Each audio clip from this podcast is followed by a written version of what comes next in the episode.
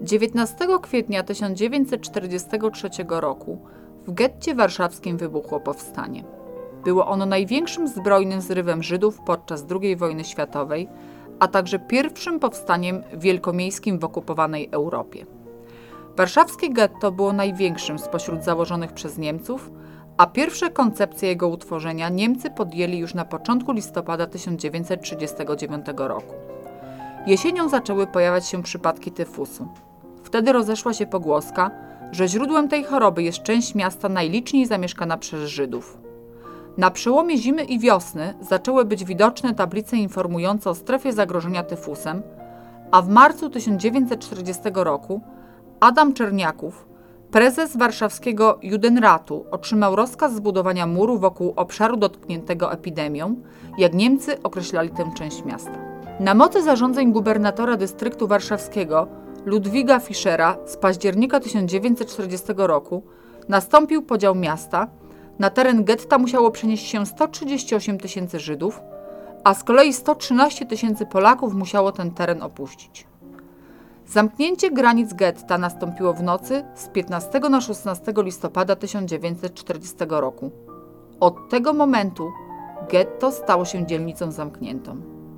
Przez kolejne miesiące granice getta kilkukrotnie zmieniano, najczęściej zmniejszając jego obszar, a po zakończeniu tzw. Tak Wielkiej Akcji latem 1942 roku teren getta znacznie okrojono. 22 lipca 1942 roku rozpoczęła się tzw. Tak Wielka Akcja, będąca częścią operacji Reinhardt która zgodnie z wcześniejszymi ustaleniami Głównego Urzędu Bezpieczeństwa Rzeszy zakładała fizyczną likwidację Żydów. W ciągu dwóch miesięcy akcji około 300 tysięcy Żydów wywieziono do obozu zagłady w Treblince i tam zgładzono. Stanowiło to 75% ludności getta, a na miejscu zamordowano około 10 tysięcy. Na obszarze zmniejszonego getta pozostało jedynie 60 tysięcy osób, które były zatrudnione w przedsiębiorstwach produkujących na potrzeby III Rzeszy lub mieszkających w getcie nielegalnie. Początkowo Żydzi nie zdawali sobie sprawy z rzeczywistego celu akcji z lata 1942 roku.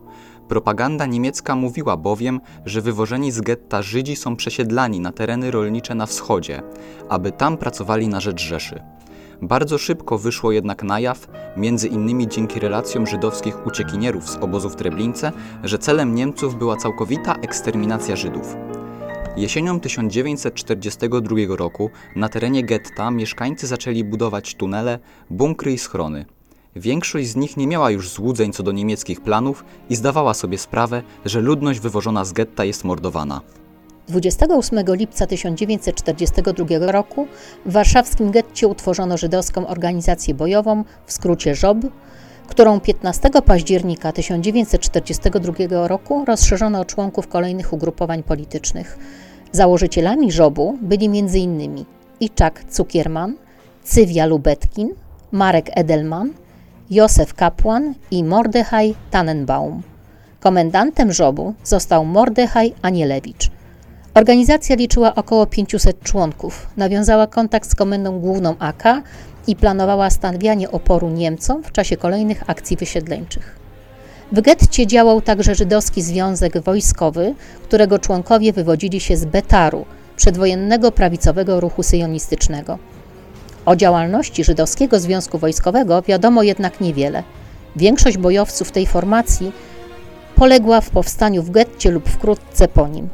Chociaż podejmowane przed wybuchem powstania próby połączenia ŻOB-u i ŻZW nie powiodły się, to podczas walk w kwietniu 1943 roku obie organizacje współpracowały. Podstawowym problemem żydowskich bojowników był brak broni. Niewielkie dostawy od polskiego podziemia nie wystarczały. Starano się więc różnymi sposobami zdobywać broń po tzw. Tak aryjskiej stronie i dostarczać ją na teren getta podziemnych wytwórniach produkowano butelki zapalające, żarówki wypełnione kwasem siarkowym i granaty. Niemcy po raz pierwszy przystąpili do ponownej akcji likwidacji getta w styczniu 1943 roku. 18 stycznia oddziały niemieckie mające deportować 8 tysięcy Żydów do obozu zagłady w Treblince napotkały zbrojny opór członków żydowskiej organizacji bojowej, a po trzech dniach walk Niemcy zrezygnowali z dalszego prowadzenia akcji likwidacyjnej. Walki rozpoczęły się rankiem 19 kwietnia 1943 roku, kiedy 850 członków Waffen SS uzbrojonych w karabiny maszynowe, miotacze płomieni, działka, wozy pancerne i czołgi wkroczyło na teren getta bramą od strony nalewek. Zostali oni zaatakowani przez żydowskich powstańców, którzy w pierwszym starciu odnieśli sukces. Po południu tego samego dnia liczniejsze i lepiej uzbrojone oddziały niemieckie, dowodzone przez wysokiego oficera SS Jurgena Strupa, ponownie wkroczyły na teren getta. W walkach wzięło udział około tysiąca słabo uzbrojonych powstańców. Niemcy przeciwstawili im ponad 2000 członków Wehrmachtu, SS oraz pomocniczych oddziałów ukraińskich i łotewskich. Przeciwko powstańcom użyte zostały pojazdy opancerzone oraz artyleria. Najcięższe walki toczyły się w rejonie ulicy Zamenhofa i Nalewek oraz na placu Moranowskim.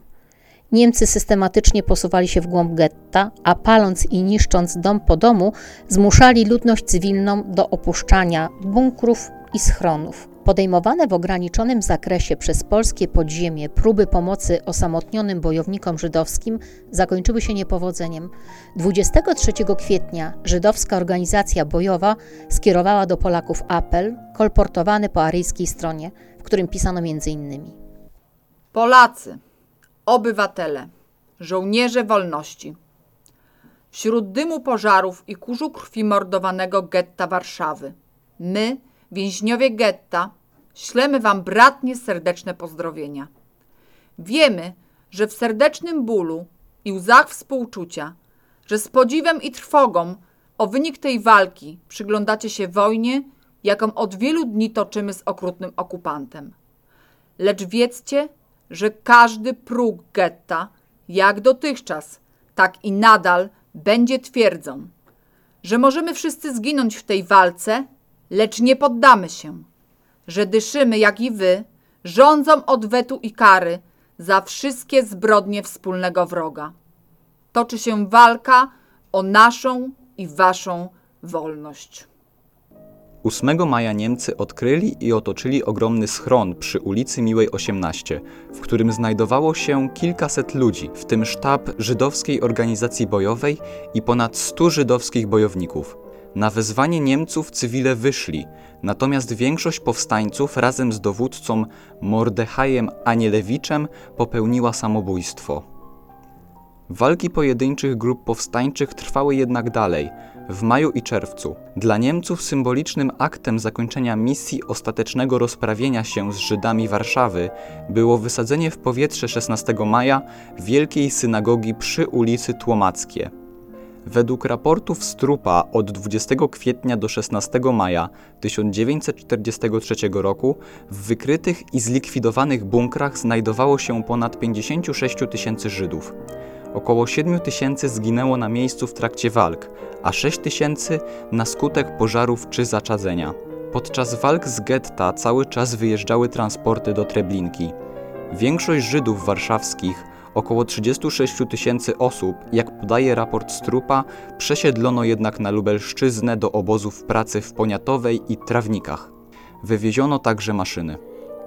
Pośród żołnierzy ŻOB powstanie w getcie przeżyło kilkudziesięciu. Większość z nich jednak nie doczekała końca wojny. Zginęli walcząc w oddziałach partyzanckich, powstaniu warszawskim lub zostali wydani Niemcom.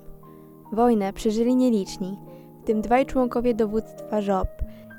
Straty niemieckie według raportów Strupa miały natomiast wynosić kilkanaście zabitych i kilkudziesięciu rannych. Jednak źródła żydowskie i polskie podają, że one były kilkukrotnie wyższe. Po zrywie Niemcy zrównali teren getta z ziemią. W raporcie do Heinricha Himmlera Jürgen Strup napisał Żydowska dzielnica mieszkaniowa w Warszawie już nie istnieje. Dziękujemy za wysłuchanie nagrania. Tekst nagrania przygotował pan profesor Jarosław Rokosz, a w nagraniu udział wzięli pani profesor Anna Ginder, pani profesor Katarzyna Grim, a także Mateusz Sowula oraz Magdalena Kaczor. Montaż Aleksander Pabian.